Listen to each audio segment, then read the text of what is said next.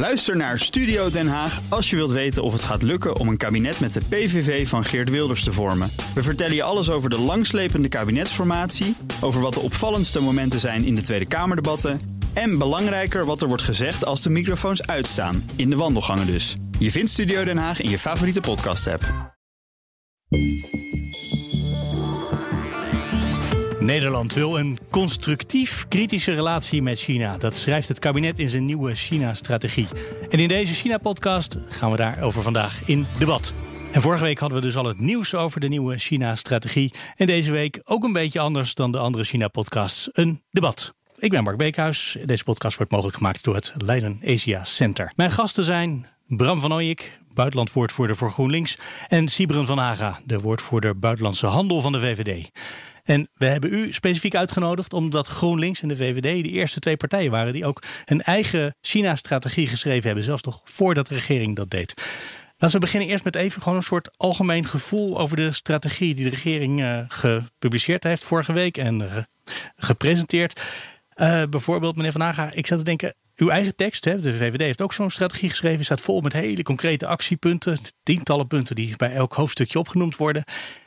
En het verhaal van de regering is best vaag. Dus u zal best een beetje teleurgesteld zijn, stelde ik me zo voor. Is dit een compliment voor de VVD? Ja, dat kan allebei. Je kan zeggen, nou, eh, het is toch beter dat we achteraf als, als land niet al te concreet zijn? Ja, nee, ik denk dat er een verschil bestaat natuurlijk tussen, uh, tussen een politieke partij en het kabinet.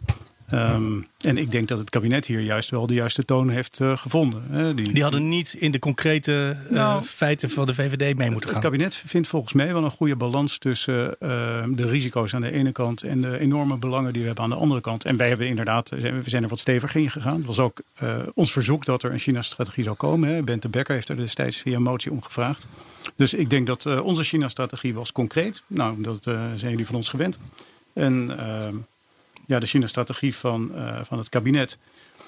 Ja, die, die houdt wat meer rekeningen met de gevoeligheden in de wereld. Hè. Uh, we zijn natuurlijk een klein jongetje op het schoolplein. En dan moet je niet ogenblikkelijk ruzie gaan zoeken met uh, de grootste jongen die daar rondloopt.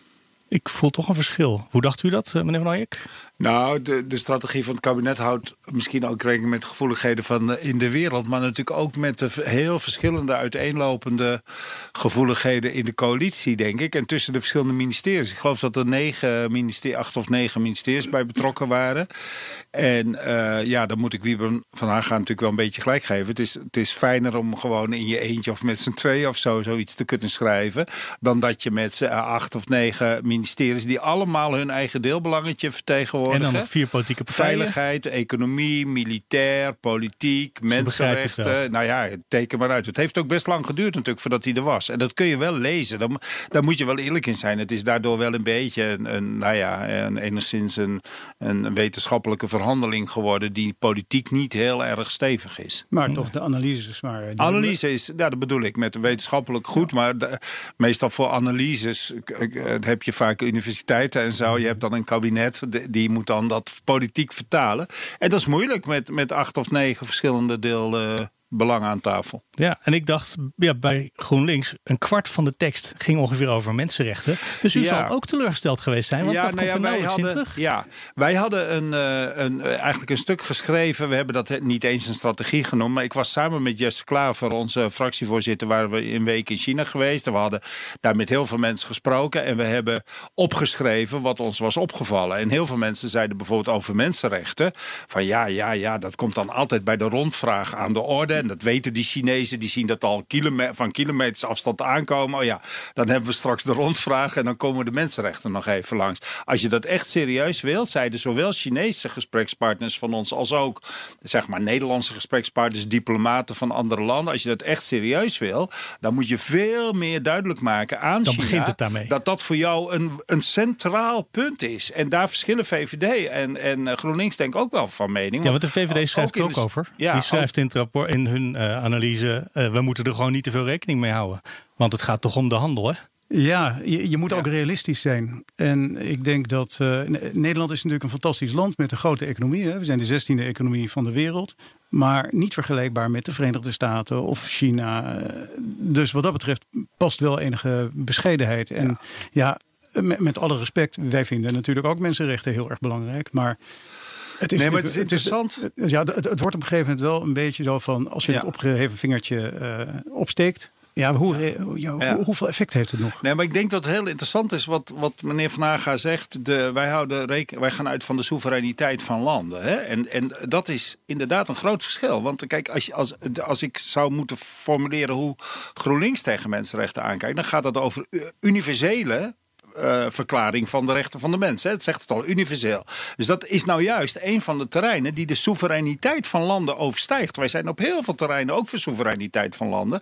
Maar juist als het gaat om zoiets universeels als mensenrechten, ben ik helemaal niet voor soevereiniteit. Ik vind dat landen die mensenrechten systematisch schenden, zoals China dat doet, die moeten daar systematisch op worden aangesproken. En En dat, mag dat ten koste gaan van handel? Dat kan misschien ten koste gaan van handel. eh, en misschien is dat een prijs die je moet betalen. Maar waar het, waar het om gaat, is dat je duidelijk maakt aan je gesprekspartner. Want er staat heel veel op het spel. Hè. Het gaat echt niet alleen om, eh, ja, hier en daar is een, een advocaat die in de gevangenis wordt gegooid. Het gaat om een fundamenteel ander systeem. Waar, waar alle vormen van liberale, eh, liberaliteit en vrijheid van meningsuiting uit het systeem worden gebannen. Meer dan ooit. Hè. En daar moet je voor je eigen universele rechten opkomen. En daar moet je soms ook risico's lopen. Dat heb je geen keus. Nee, ja, gedeeltelijk heb je natuurlijk helemaal gelijk. Maar aan de andere kant eh, is het praktische probleem dat je dan bijna bij ieder land buiten de Verenigde Staten, Australië, Nieuw-Zeeland en Canada en de Europese landen een groot probleem hebt. Heb je het hele Midden-Oosten heb je een probleem. Heb je Ja, in wel Rusland een probleem. natuurlijk. Ja. Natuurlijk, je hebt Maar- gradaties, maar, ja. maar wij proberen op heel veel verschillende gebieden proberen we natuurlijk wel te blijven handelen, omdat we eh, het gevoel hebben dat als er maar eh, voorspoed is en als er gehandeld wordt, dat dan hopelijk andere systemen zich een beetje naar ons toe bewegen. Ja. Maar met China moet je dan de kanttekening maken dat het inmiddels zo'n enorme moloch is, ja, dat je daar je vraagtekens bij kan Ik- stellen. ja, ik vond het dus heel interessant. En dat was eerlijk gezegd voor mij ook wel een eye-opener. Dat veel mensen zeiden: als je echt duidelijk maakt aan China. Hè, we, we hebben bijvoorbeeld over 1 miljoen Oeigoeren hè, in, westen, in het westen van China. Die, die ja, in strafkampen worden opgesloten. Omdat ze volgens de heropvoedingskampen. Omdat ze volgens de Chinezen een bedreiging zijn voor de nationale veiligheid. Als je daar echt een serieuze dialoog over wil, dan moet je zeggen: oké, wat is die bedreiging dan? Kunnen we je helpen? Is er iets aan de hand met die nationale veiligheid dan?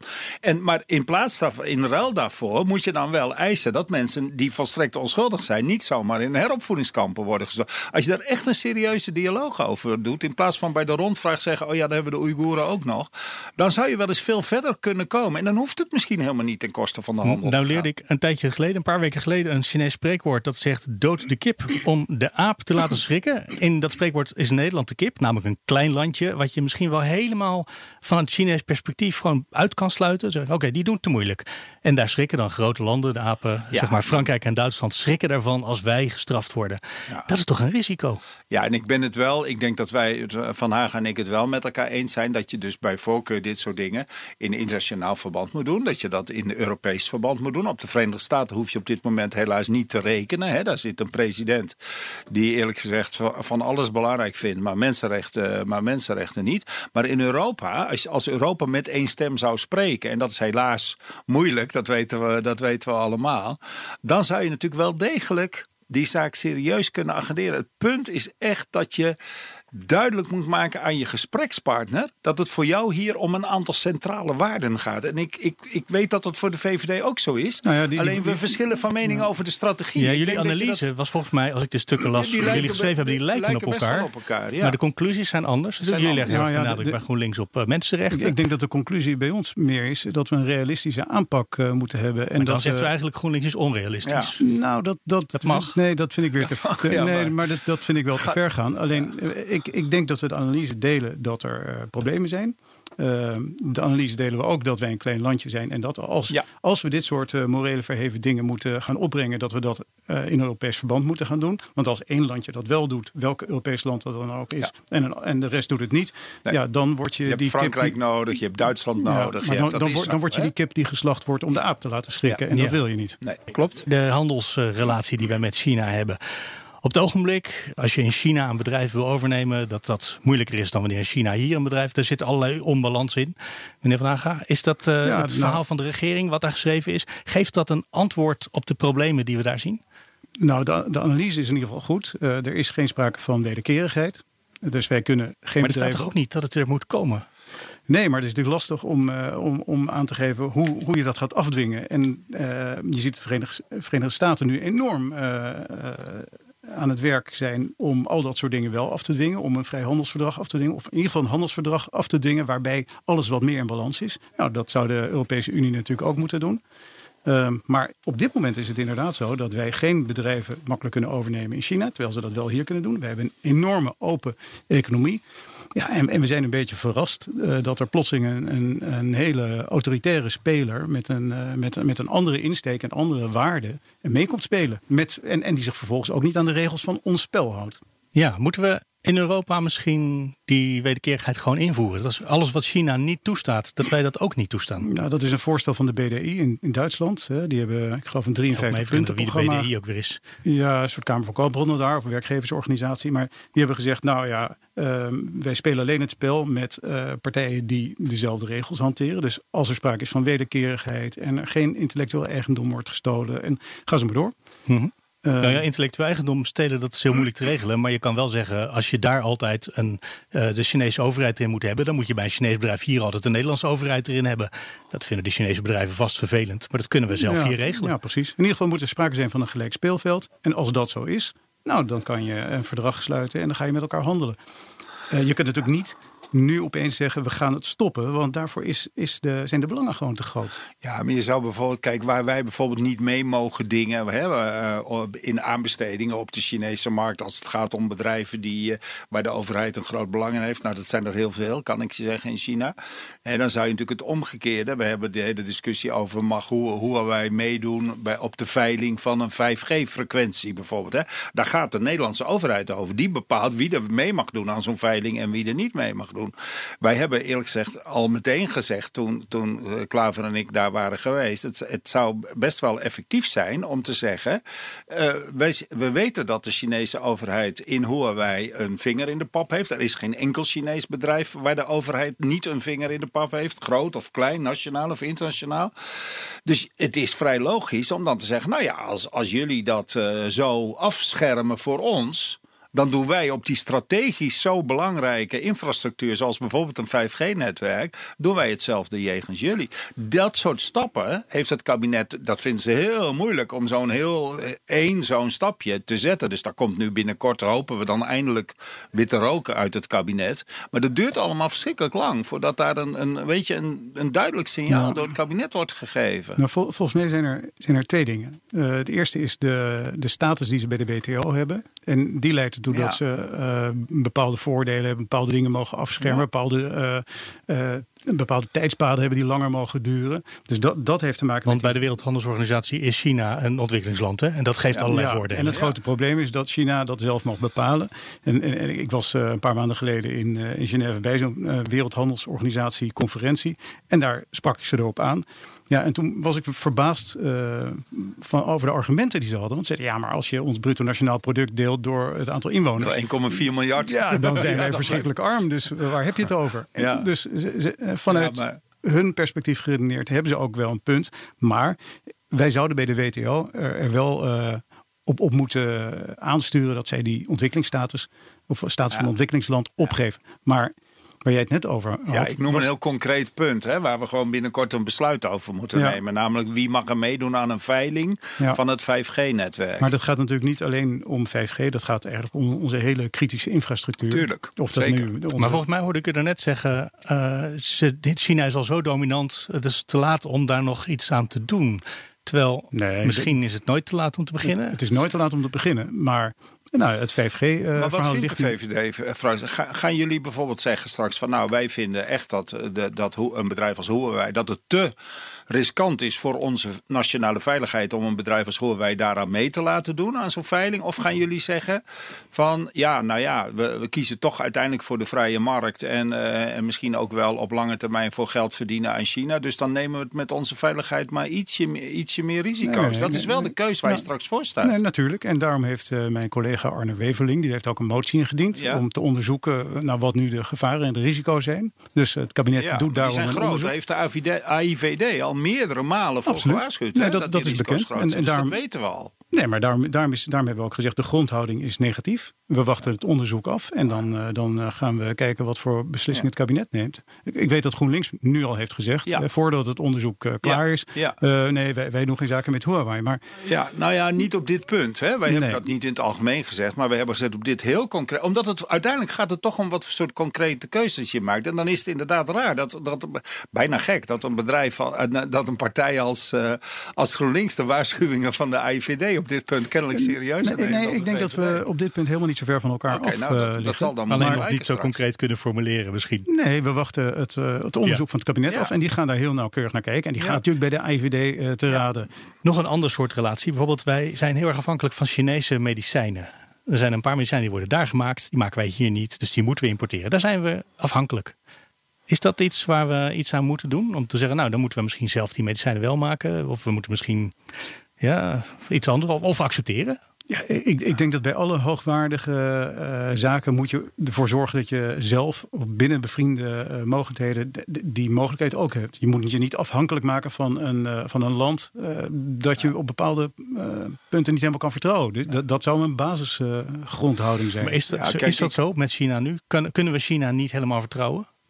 Nou, ik, ik, denk, ik denk, het is geen eh, democratie. Het, eh, Maar het nou, is wel een bevriende eh, natie, toch? In, eh, eh, zoals net- dat dan heet? Nou ja, bevriend natuurlijk. Maar het is, het is, systeemrivaal noemde het is, de het is een systeemrivaal. Inderdaad, maar met hoor. totaal andere waarden. Ja. Eh, Kijk, bij ons is het zo, en in de Verenigde Staten ook. eh, eh, we, we hebben natuurlijk heel veel kritiek op eh, Trump de laatste tijd, die ook met, met dit eh, dossier aan het spartelen is. Maar iedere vier jaar kan in een democratie eh, kunnen de mensen gewoon een, een leiding naar huis sturen. Mhm.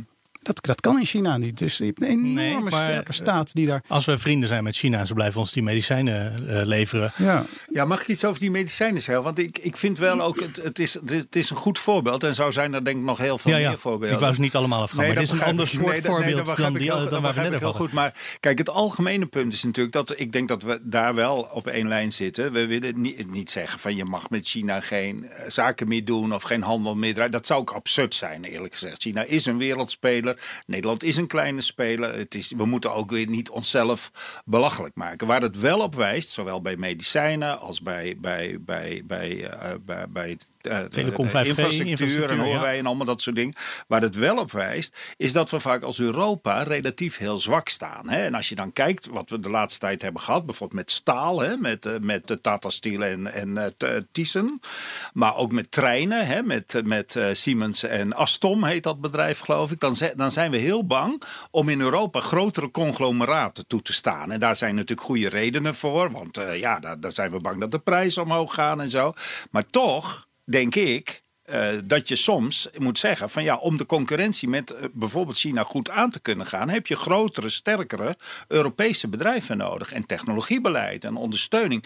Industriepolitiek. Hè, Dus wat we in China jaren- dwingt ons eigenlijk om te denken in, Om- eh, op, Ja, op en een wat grotere schaal. En dat is bij ons een beetje een eh, industriepolitiek. Dat associëren we met de jaren zeventig en scheepswerven en bodemloze putten en allemaal dat soort dingen meer. Ja. Maar ik denk echt dat het, het, het, het tijd wordt. En ik kijk ook naar de VVD. Natuurlijk een liberale partij, een vrije marktpartij. Maar ik denk echt dat we op dat punt terug moeten naar een aantal zaken die, die zeggen we moeten misschien bepaalde strategische industrieën, medicijnen, staal, infrastructuur, technologie moeten we misschien meer steunen in Europa dan we nu doen. Dus de- een beetje misschien zeg ik tegen Wieper van Hagen, die vrije marktideologie een beetje eh, ja, als iets van het verleden, van een beetje goedmoedig, naïef. Hè? Een begint een de- beetje ongemakkelijk nee, te kijken, Nee, helemaal niet. Maar de, de vrije markt. hij denkt er nu over, hij de, denkt erover de, vrije markteconomie is, is natuurlijk het, het, het beste systeem. Alleen het grote probleem was, Ja, we hadden, regeltjes, wat, we hadden regeltjes vraag, voor ja. een spel. En dat spel werd gespeeld op een bepaalde oppervlakte. Ja. En die oppervlakte is eerst van Nederland vergroot naar Europa. En, en met nog een paar bevriende democratieën. En plotseling is die veel groter geworden. En die regels zijn niet meer eh, helemaal toepasbaar op het hele spel. Dus dan moet je inderdaad gaan eh, bepalen. Wat zijn nou je strategische eh, dingen die je misschien buiten dat spel wil houden. Nou, daar wordt, wordt nu naar gekeken. Ehm, ja, en, en, inderdaad, als andere partijen met andere waarden en andere speelregels gaan meespelen, dan wordt het inderdaad wel een beetje raar dat je hier in Nederland zegt, nou weet ik wat, Nuon mag niet fuseren met, een, met Eneco. Maar dat is wel wat er nu steeds uh, gebeurt natuurlijk. natuurlijk. En daar zijn ook redenen voor. Kijk, dat is het punt. Op een gegeven moment moet je kiezen uit twee ongemak. Kijk, als je tussen iets goeds en iets slechts moet kiezen, dan is het makkelijk. Maar politiek is soms ook. Hè, ik voel me ook niet gemakkelijk bij hele grote conglomeraten van wat dan ook. Oh nee, daar, daar heb ik geen enkel probleem mee. Nou, alleen, ja, maar goed, alleen, dat is dan misschien weer een verschil nee, tussen ons. Maar, maar, het mooiste zou zijn als de hele wereld een grote uh, vrije, vrije markt was. Ja, ja eigenlijk zegt hij het mooiste zijn als China net als Europa wordt. Dat is natuurlijk een vraag die we ze niet kunnen stellen. Toch? Dat is een hele belangrijke vraag. Uh, zou China zich in de loop van de tijd als ze uh, wat welgestelder worden uh, zou, zou, China zich ontwikkelen naar een vrije markteconomie? Dat dachten dat, we. Dat hoopten we. Ja, of dat, dat het, het land zich... Ja, en we dachten dat dat ook met politieke... Ik herinner me nog heel goed, hè, de Chinese markt zou opengaan. Dan zou de politieke democratisering als het ware vanzelf komen. Precies. Hè. Hebben we van Rusland ook. Uh, althans, laat ik voor mezelf spreken. Hè. Ik heb ook heel lang gedacht van nou... Komt als die economie eenmaal open gaat, dan gaat die politiek ook wel open. Maar we zien nu dat dat gewoon helemaal niet gebeurt. Integendeel, China wordt steeds eh, meer totalitair. Ja. En stel nou dat China blijft doen wat ze nu doen. Dus bijvoorbeeld hun eigen landen, hun eigen bedrijven bevoordelen met staatssteun uh, en het buitensluiten van buitenlandse concurrenten. Moeten we dan dat in Europa kopiëren? Dan zeggen nou, dan moeten wij ook aan de staatssteun bijvoorbeeld. Ik vind in ieder geval niet dat je op voorhand moet uitsluiten dat je bijvoorbeeld, want dan wordt er van dat 5G, ik ben geen expert, maar dan wordt er gezegd, ja, er zijn wel Europese spelers die dat ook kunnen, zoals Siemens en Nokia bijvoorbeeld, maar die hebben een achterstand. Die zijn duurder vooral. Of die zijn duurder op dit moment. Ja, dan vind ik dat je niet moet uitsluiten dat je een industriebeleid uh, voert, uh, waar ook dan al gauw een vorm van staatssteun bij komt kijken, om die concurrentieachterstand te verkleinen. En als het enigszins kan, weg te nemen. En dat zou ook voor medicijnen kunnen gelden. Het voorbeeld dat u net noemde. Dat zou ook voor, eh, dat weet ik niet, misschien de politie, hè, die hele die C2000. Dus daar wil je eigenlijk niet van een ander afhankelijk zijn. Nee, toch? maar je kunt het ook omdraaien. Hè? Je kunt, wij hoeven geen staatssteun te gaan geven als wij onze eigen markten samen met de VS en Canada en Australië en Europa afschermen van landen die de, de regels niet respecteren, die staatssteun verlenen. Ja, dat klopt, maar dan kom je dus in een protectionistische uh, spiraal terecht, die uiteindelijk wel eens de welvaart wereldwijd uh, zou kunnen verkleinen. Hè. Dat is natuurlijk het nadeel van die handelsoorlog Trump-China. Uh, dat ja, weet je, we snappen het allemaal wel, nee, maar, maar het is niet goed voor de welvaart. Misschien, leven, nou, misschien levert dat uiteindelijk wel veel meer welvaart op. Want als uiteindelijk de Verenigde Staten en China een goed handelsakkoord sluiten, ja. dan is dat prima. Nee, maar goed, dan heeft het zijn zin tarieven, gehad. Hè, tarievenoorlog, zoals die nu plaatsvindt, daar, daar moeten we natuurlijk verder van blijven. Dus, daar zijn we ook nou ja, ik zeg dat omdat... Nou, maar dat stelde u toch bijna voor net? U zei toch net met, uh, met China en Amerika, nee, met Amerika en de Canadezen zou Europa het, de Chinezen het moeilijk moeten maken. Dat is dan nou, toch tarievenmuur of zoiets? Nee, dat, dat heeft niks met tarieven te maken. Als je hoe, binnen ziet het er dan uit? Nou, als je binnen de WTO afspreekt dat uh, je je aan dezelfde regels houdt. En China doet dat niet. Dan kun je daar maatregelen tegen nemen. Als je, uh, nou, waar we het en net wat al voor over... soort maatregelen denken we dan aan? Um, nou, je, je kunt bijvoorbeeld uh, ervoor zorgen dat uh, Chinezen als. Uh, nou, neem bijvoorbeeld de, de, de aanbestedingen in Nederland. Daar kun je gewoon de, ehm, de, de regels voor die aanbesteding kun je zo aanpassen dat een, een land of een bedrijf, ja, in dit geval is het een beetje lastig, moet voldoen aan die aanbestedingsregels. En, en dat China daar niet aan kan voldoen. Nee, dan, dan, winnen ze, winnen, dan winnen ze de aanbesteding niet. Maar op, kijk, we, we zijn nu heel open en liberaal en naïef geweest. En nu moeten we ietsje meer onze eigen markten gaan beschermen. En dat moet je natuurlijk in Europa doen. kan je niet in, Nederland zelfstandig. Maar ik denk dat we ook veel meer uh, bevriende uh, uh, dingen moeten doen. Samen met de Verenigde Staten en met Canada en met Australië. Want dat zijn vergelijkbare democratieën. Ja, ik vind dus, ik, ik, ik vind dus alleen beschermen een te defensieve strategie, zeg maar. Want dan kom je dus terecht in die, in die toch in een vorm van tarieven. En, en, en ik zou dus, en, want dat was eigenlijk de vraag die u dacht ik stelde. Sluit je uit dat je toch naar vormen van staatssteun moet. Dus van, ik noem dat dan industriepolitiek. Hè, dat je als overheid gaat zeggen, nou dit zijn sectoren. Die willen we heel graag toch ook zelfstandig, uh, of die willen we helpen zich zelfstandig te ontwikkelen als een volwaardige concurrent van bijvoorbeeld China of andere wereldspelers. Ja, ik ben daar eigenlijk wel voor. En, en uh, dat ik denk dat uiteindelijk dat dat voor de zeg maar totale welvaart hè, uh, beter is dan dat je terechtkomt in een protectionistische groef. Want dat is het uiteindelijk nee, toch. Dat, Hoe je het ook bent, nee, dat nou is het niet. Het is, het dat, is, dat is moeilijk te vermijden. Op het moment dat je markten gaat afschermen, dan doe je dat meestal met. Het, Nee, Maar maar je moet me even helpen, want één zegt dit is protectionisme en de ander zegt van niet. ik, denk als je, als je met China in gesprek gaat en denk- je zegt van luister, vanaf van de WTO-regels voldoen jullie niet aan reciprociteit, geen Ja? gelijk speelveld. eh, ja, dan sluit je ze buiten, bedoel je. Nou, dan, dan ga je stapsgewijs escaleren. En ik denk dat China dan eieren voor zijn geld zal kiezen. Dat moet in Europees verband, want wij zijn, hè, de Europese economie is groter dan die van China. Dat kan met aanbestedingen, ja. Ja, dat kan. dat kan. Dat kan met normale handel in, in weet ik van wat voor. Goed, en ja.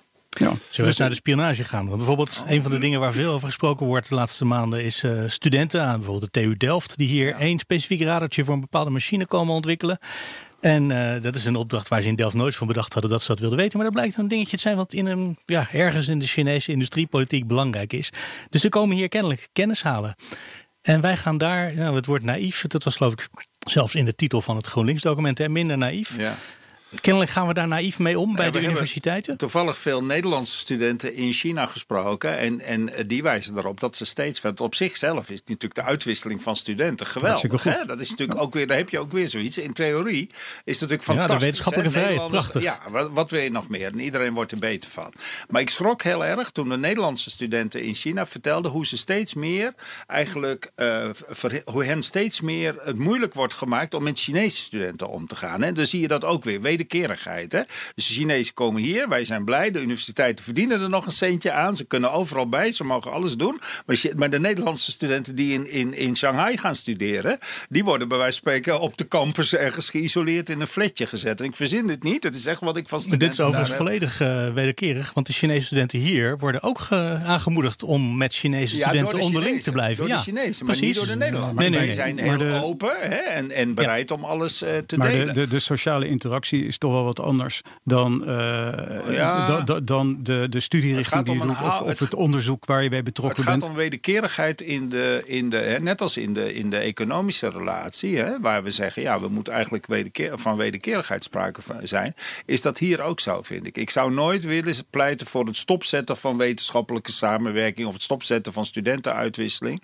Maar ik denk dat we ook hier, en u noemde het woord naïef, en dat wordt een beetje een cliché zo langzamerhand. Ja, komt elke Dat week in deze podcast week eh, terug, dus ik aarzel om het woord te gebruiken. Maar ook hier moeten we alert zijn, denk ik, op eh, de risico's die we lopen. Ja, maar ik denk dat je voornamelijk ook goed in beeld moet hebben als overheid, maar ook als universiteit. Eh, wat nou je, je kritische onderzoek Ja, is. En als eh, het ontwerp van een junction field effect transistor in indium gallium arsenidefosfide bestempeld wordt als iets heel eh, eh, kritisch, Ja. ja. dan ga je daar geen. Staat dat echt? Maar dat, nou, dat was mijn afstudeeronderwerp. Ja, staat echt. Nou, toen ik in Delft zat, eh, zat het al helemaal vol met Chinezen. Dus er is niks nieuws. Alleen nu zijn we ons aan het realiseren. Nou, er is wel dat, iets veranderd in de laatste jaren. Ik heb een hele tijd wetenschapsjournalistiek gedaan. Ja. En in de tijd dat ik zelf studeerde in Leiden, toen liepen daar geen Chinezen rond. En toen ik daar een paar jaar terug weer door de gangen liep, toen was echt gewoon de voertaal was Engels inmiddels. Eh, en en derde was eh? Leiden, Ja, ja. eh, bij het uh, Nou, daar hebben ze Wiskundeinstituut uh, waarschijnlijk bijvoorbeeld. kritisch, eh, eh, kritisch onderzoek. Ik weet het het, is niet. ook financieel voor de universiteiten Ja, heel ja, aantrekkelijk, verdienen er geloof ik. heel Hè? mooi. Studenten nemen allemaal geld mee vanuit eh, China om hun, eh, hun studieplaats te bekostigen. Maar volgens mij zijn we het erover eens. De, de studentenuitwisselingen zijn goed, het moet wederkerig zijn. Alleen je, je moet ze niet op heel kritisch onderzoek gaan, gaan zetten. Hè. We hebben destijds die Ira- Iranier gehad die eh, in de kwantumfysica eh, b- dingen Ja, aan dat doen is inderdaad al lang Kijk, geleden. Ja, dat is lang geleden, maar ja, ik, ik denk dat je Het kan heel, weer heel eh, voorzichtig dat het realistisch gebeurd te zijn. Ehm, Maar nou, goed, dus uitkijken, ja. maar dat is waar deze discussie op. daar- Kijk, we moeten. we- Dat is altijd zo natuurlijk. We zijn te- lang hebben we dat een beetje op zijn beloop gelaten. En nu moeten we uitkijken dat we niet ook weer doorslaan naar de andere kant. En zeggen van we willen er niks meer mee te. Hè, dat, maar goed, volgens mij is dat wel duidelijk. De China-strategie die zegt, daar zegt de regering, wij, gaan, wij moeten gebruik maken van de grote financiële mogelijkheden en de onderzoekskansen in China. En we hebben hier ook in de podcast al iemand voorbij gekomen die zei, nou dan zijn er in TU Delft, willen we een chip ontwikkelen, kunnen wij niet op onze universiteit. Laten we het doen in China, want een Chinese universiteit die betaalt dat gewoon voor ons. Dus ja, dat betekent dat ze ook alles weten van dat onderzoeksproject wat daarbij hoort. Uh, moeten we misschien ons ook daar minder afhankelijk maken van het Chinese geld, de Chinese wensen? Ik vind dit lastig. Ik vind dat je je kansen moet je benutten. Je moet de risico's vermijden, maar je moet je, je zeker niet afhankelijk maken als het gaat om onderzoek van, van grote geldstromen. Maar van wetenschappers horen we dat, dat nu wel, dat ze niet voor niks naar China kijken, want daar krijgen ze geld. Meer dan uit Den Haag en uit de eerste, tweede en derde geldstroom. Ja, het, het, moment dat je afhankelijk wordt, denk ik dat je gecompromitteerd bent. En dat, dat moet je zien te voorkomen. Uh, ja. Dus moet maar, maar alert zijn is niet gratis. Hè? Dat nee, is nou, precies. Dat is, er moet daar geld bij.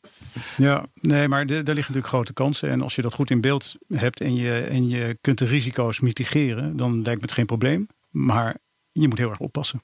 Maar alert zijn is niet gratis, zei Bram van Ooyek net? Nee, dat betekent dus ook dat je soms uh, een, uh, een Chinese student moet wegen. Dat betekent in dit geval, uh, om bij je vraag te blijven, dat je ook misschien soms een grote zak geld uit een raar land moet wegen. En, ja, China maar dat er vanuit Den Haag misschien wat meer geld moet naar de universiteiten hier, omdat hij zich zo richt op China op het ogenblik? Nou, de, de, de, de, Nederlandse universiteiten staan volgens mij nog in, in, in de toppen van alle lijstjes. Dus uh, volgens, volgens mij hoeven we ons op dit moment geen zorgen te maken over uh, de Nederlandse universiteiten. Maar het is inderdaad niet gratis. Er zal uh, als je die afweging maakt, en, en dat, hè, dat, dat, dat zal een, er zullen een aantal criteria aan verbonden worden. Dan zal je op een gegeven moment een keer een situatie krijgen waarbij je zegt: Nou, dit investeringsplan in China op dit onderwerp, dat doen we dan niet. Kijk, wij hebben het nu over de Nederlandse China-strategie. China heeft overal een strategie voor, ook hiervoor. Hè. Dus die, zeggen, die weten precies van nou, nu staan er uh, zoveel universiteiten bij de top 50. In 2030 moeten dat er zoveel zijn. Hè. En ik weet de getallen heb ik even niet paraat, maar dat zijn er heel veel. Dus als je aan de Chinese strategie kijkt voor wetenschappelijk onderwijs, dan willen ze in 2050, dan moeten, nou ja, 30 van de 50 universiteiten moeten Chinees zijn of zo in die toplijstjes. Hè. En dan, dan, waarschijnlijk zit ik dan nog aan de voorzichtige kant. Als ons dat gaan realiseren, moeten we van daaruit de redenering en het beleid uh, opbouwen. Maar het is, Hoe dan? De, wat nou ja, valt er Het begint met, hè, met, met, op al die, al die dingen die we nu bespreken, begint het met je te realiseren dat in China worden plannen gemaakt voor de komende 20, 30, 40 jaar soms. Hè. Jullie, de VVD beschrijft dat in, zijn, in, zijn, in jullie eigen stuk ook. Hè, van voor elke tien jaar zijn er al allerlei doelen gesteld. En sommige van die doelen zijn prima als het gaat om het halen van de klimaatdoelen van Parijs of zo. Dan zou ik zeggen, laten we vooral heel veel samenwerking zoeken en elkaar aanmoedigen om die doelen snel te halen. Maar op andere punten zijn we misschien veel gereserveerder. En, en dat is denk ik wat, wat we wat we zoeken als het gaat om het, het afleggen van onze onschuld. Om maar eens dan toch een ander woord een keer te gebruiken. En een bewust beleid eh, te voeren. Ook politiek. Oh, wij pleiten bijvoorbeeld in ons stuk ook voor om ook politiek veel meer. De minister van Buitenlandse Zaken, partijgenoot van Wieben van Haga, is denk ik driekwart van zijn tijd bezig met Brussel en met Europa. En, met, en dan nog een beetje met de VS en zo. Hoeveel tijd is er? Ik heb zelf een aantal jaar bij het ministerie van Buitenlandse Zaken gewerkt. Hoeveel tijd is er om je structureel. En hoeveel mensen zijn er om je structureel met Azië bezig te houden? En met, met China bezig te houden. Deze vraag suggereert te weinig in elk beperkt, geval. Allemaal zeer beperkt. Nou, ik denk als u aan Stef Blok zou vragen... Ons grootste postennetwerk zit in China. Ja, maar dus, als u uh, aan Stef Blok zou vragen... hoeveel van je tijd heb je, heb je bij, bij wijze van spreken beschikbaar... Hè, om bijvoorbeeld over die relatie met China. Maar het gaat ja. natuurlijk ook om China in de Aziatische context. Hè, met Taiwan, met Japan, met India. Nou, noem het allemaal maar op.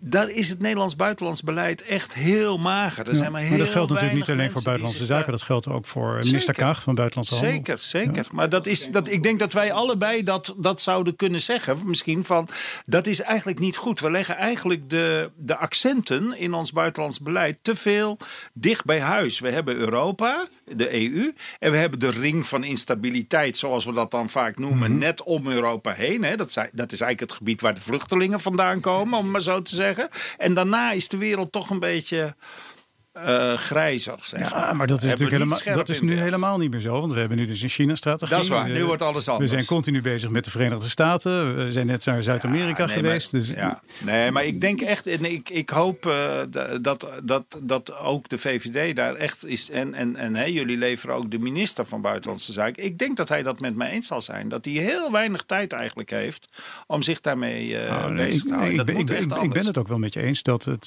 het heeft onze aandacht nodig. Maar het heeft nu ook onze ja, aandacht. begint nu een beetje te En wat ik zo leuk vond, wat je er net zei was wel interessant. Dat uh, de Chinezen hebben natuurlijk allemaal plannen, hè, ja. overal een strategie voor. Ja, ik denk dat als we één ding kunnen leren van uh, China op dit moment, is dat is de tomeloze ambitie. Vijf jaar plannen nee, moeten nee, gaan nee, maken. nee, dat niet. Uh, dat nou nog een VVD'er horen zeggen? Ik heb het hem nog niet zo zeggen. Hij gaat niet anders zeggen. Nee, nee, dat is de tomeloze ambitie die ze nu hebben. Zij zijn bezig met, met handelen en dingen creëren en, en dingen verplaatsen. En, en dat, is, dat is traditioneel de, de rol van de Nederlander. Dus wij moeten slimmer worden en ambitieuzer en beter en, en gaan concurreren. Ja.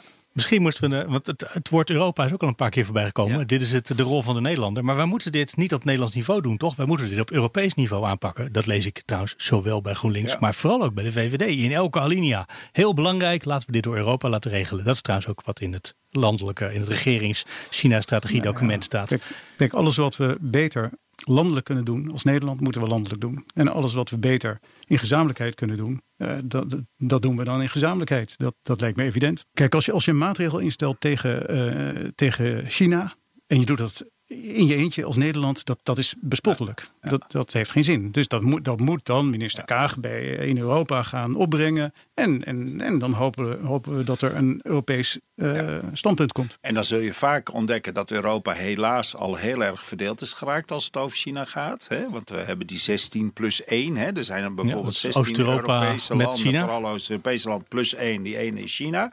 Je zag pas dat in Italië werd uh, gesproken over nieuwe grote Chinese investeringen en zelfs het overnemen van de haven van uh, Triest. We weten het van Portugal, we weten het van de haven van Piraeus in uh, Griekenland. Die landen gaan, vrees ik, straks niet thuisgeven als je zegt we moeten gezamenlijk optreden. En dan is de vraag, wat ga je dan doen? Ga je dan zeggen als het niet gezamenlijk kan, dan doen we het niet? Hè? Of zeg je, we gaan, en dat is ook strategie, we gaan misschien met een groep landen. Daarom noemde ik net al eerder Duitsland en, eh, en uh, Frankrijk. Als, hè, als je een paar grote landen mee kunt krijgen. En dat, daar moet nog veel gebeuren. Want, want dat je de 27 of de 28, maar laten we zeggen straks 27, allemaal op één lijn krijgt. Ik vrees dat het daar al te laat voor is. Is, het, daar nu, is het daar nu al te laat voor? Nee, het is nooit te laat. Maar je, je snijdt wel een belangrijk punt aan. Um, er, er, is een aantal landen dat zich in meer of mindere mate al afhankelijk aan het maken is van Chinese investeringen. We hebben dat in Afrika ook gezien. dat uh, dat uh, ja, overheden daar in een soort pennywise pound foolish uh, val stappen en iets laten aanleggen. Vervolgens defaulten op de lening van een weg of een brug of een overheidsgebouw. Dat overigens door Chinese medewerkers is gemaakt. Hè. De, voor die landen is er zelf, zelfs vaak helemaal niets. Uh, maar het grappige was, we waren, een paar weken geleden in Colombia. En dan vroegen we ook van, goh, hebben jullie niet uh, dat China hier aan de deur aan het kloppen is? En toen zeiden ze, nee, wij, wij willen dat helemaal niet. Want dat is pennywise pound foolish. En ehm, ze vragen daar veel, te, veel voor terug. Het is niet goed voor het land. En we, we hebben liever dat we de dingen zelf ontwikkelen. Dus ik denk dat een hoop landen inmiddels door die slechte voorbeelden wat wijzer zijn geworden. Nou, Italië helaas net misschien niet. Misschien die het iets beter zelf uh, kunnen, uh, kunnen, kunnen, kunnen rooien, zal ik maar zeggen. Veel Afrikaanse landen zijn natuurlijk blij geweest vaak met elke dollar, bij wijze van spreken, die het land binnenkwam. Maar goed, ja, die zorg, die, die, eh, die delen we wel. Maar de vraag is dus, wat doe je? Ik denk dat de politieke vraag wordt de komende tijd, wat doe je als je Europa niet op één lijn krijgt? Ga je dan toch als Nederland samen met een beperkt aantal andere landen toch iets doen? Of het nou gaat over mensenrechten, of over industriebeleid, of over uh, uh, onderwijs, hè, waar we het net over hadden. Of zeg je van ja, als er in Europa geen, en dat proef ik een beetje bij de VVD vaak, van als er in Europa geen unanimiteit is, dan doen we het niet, want dat zou absurd Misschien nog wat verder gaan. Dwingt China ons hier misschien als Europa om een buitenlandbeleid te gaan voeren? Dat willen we helemaal nog niet met z'n allen. Zeker de VVD is daar nog niet zo'n voorstander van. Nee. Maar um, dwingt misschien China het gewoon af in Europa? Dat we samen nou ja, en of één blok of worden? dat altijd in Europa... Kijk, dat, dat zal, als het kan, moet je dat als, eh, als Europese Unie als eenheid doen. Maar je moet ook zeker niet uitsluiten dat je andere bondgenootschappen Dat het niet lukt eh, en dat we andere... Wij noemen bijvoorbeeld in ons stuk, eh, en ik dacht de VVD ook, maar dat weet ik niet helemaal zeker... Australië als een land wat al heel ver is in het ontwikkelen van een instrumentarium... over hoe ze met China omgaan. Dat is ook niet zo raar, want het is ja, naast de deur. Ja. Het is naast de deur natuurlijk. Hè? maar het is aardig Daar dat zouden je we nog heel veel van kunnen leren. Maar, maar, dat geldt ook voor de Verenigde Staten. De Verenigde Staten is een grote bondgenoot. Nou, en als Italië dan uit het mandje valt eh, en, uh, en nog een paar Oost-Europese landen wat afhankelijk zijn geworden. We, we hebben de Verenigde Staten, Canada, Australië, Nieuw-Zeeland. En daar kunnen we prima mee samenwerken. En die zullen altijd de Nederlandse belangen voorop zetten. Dat kan me nou, niet voorstellen. Zeker als zolang Trump uh, de basis is in China. Die, die vallen, vallen grotendeels samen. Omdat vrijhandel voor iedereen goed is. Op dit moment hebben wij toch last bijvoorbeeld van een uh, verbod op uh, de samenwerking met Huawei.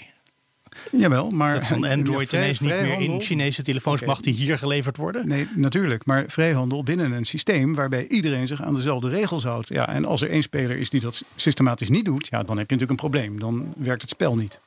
Dus dan moet je of zeggen, nou je mag niet meespelen of we gaan stapsgewijs escaleren. Maar zelfs als je dat niet zegt, dan hebben we nu op het ogenblik een probleem dat een van de, een van de telefoons van de markt is. Dat vervolgens China, die is nu bezig met nadenken over uh, de, de, de, bijzondere metalen die er allemaal in moeten. Misschien dat die wel minder op de markt komen. Daar hebben wij nooit over meegepraat, maar dat is iets wat Trump in China bereikt voor ons.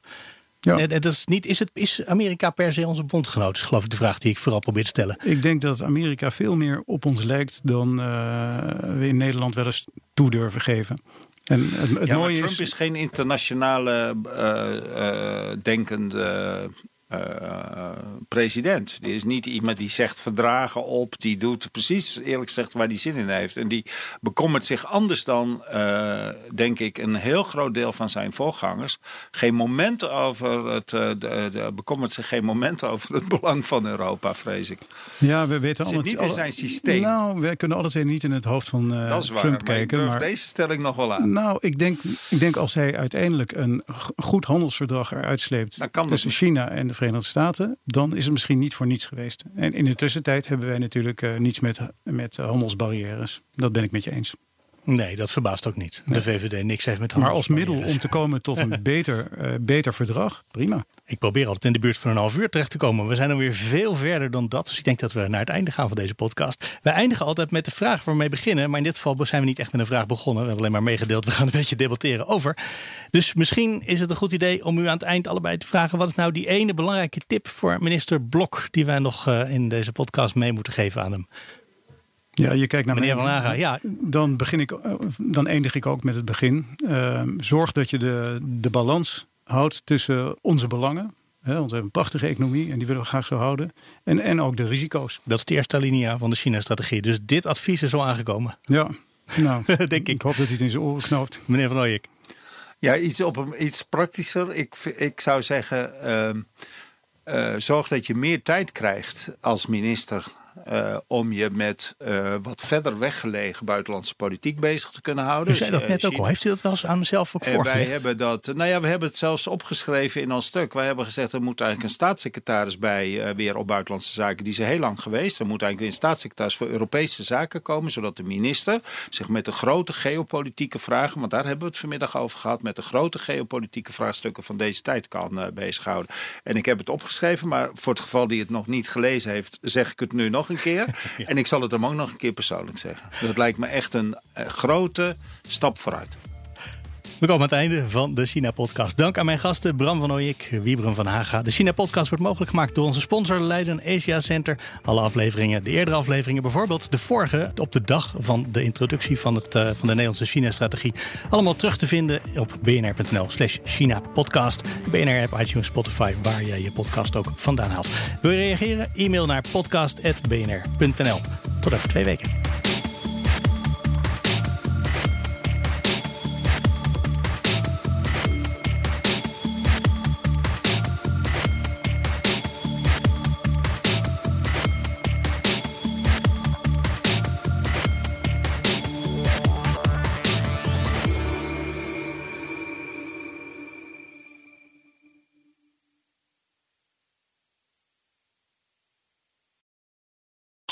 Ook Diana Matroos vind je in de BNR-app. Ja, inderdaad. Je kunt live naar mij luisteren tijdens de Big Five. Ook handig in de BNR-app. Breaking nieuwsmeldingen, maar ook het allerlaatste zakelijke nieuws. En je vindt in de app alle BNR-podcasts, waaronder Wetenschap Vandaag. Download nu de gratis BNR-app en blijf scherp.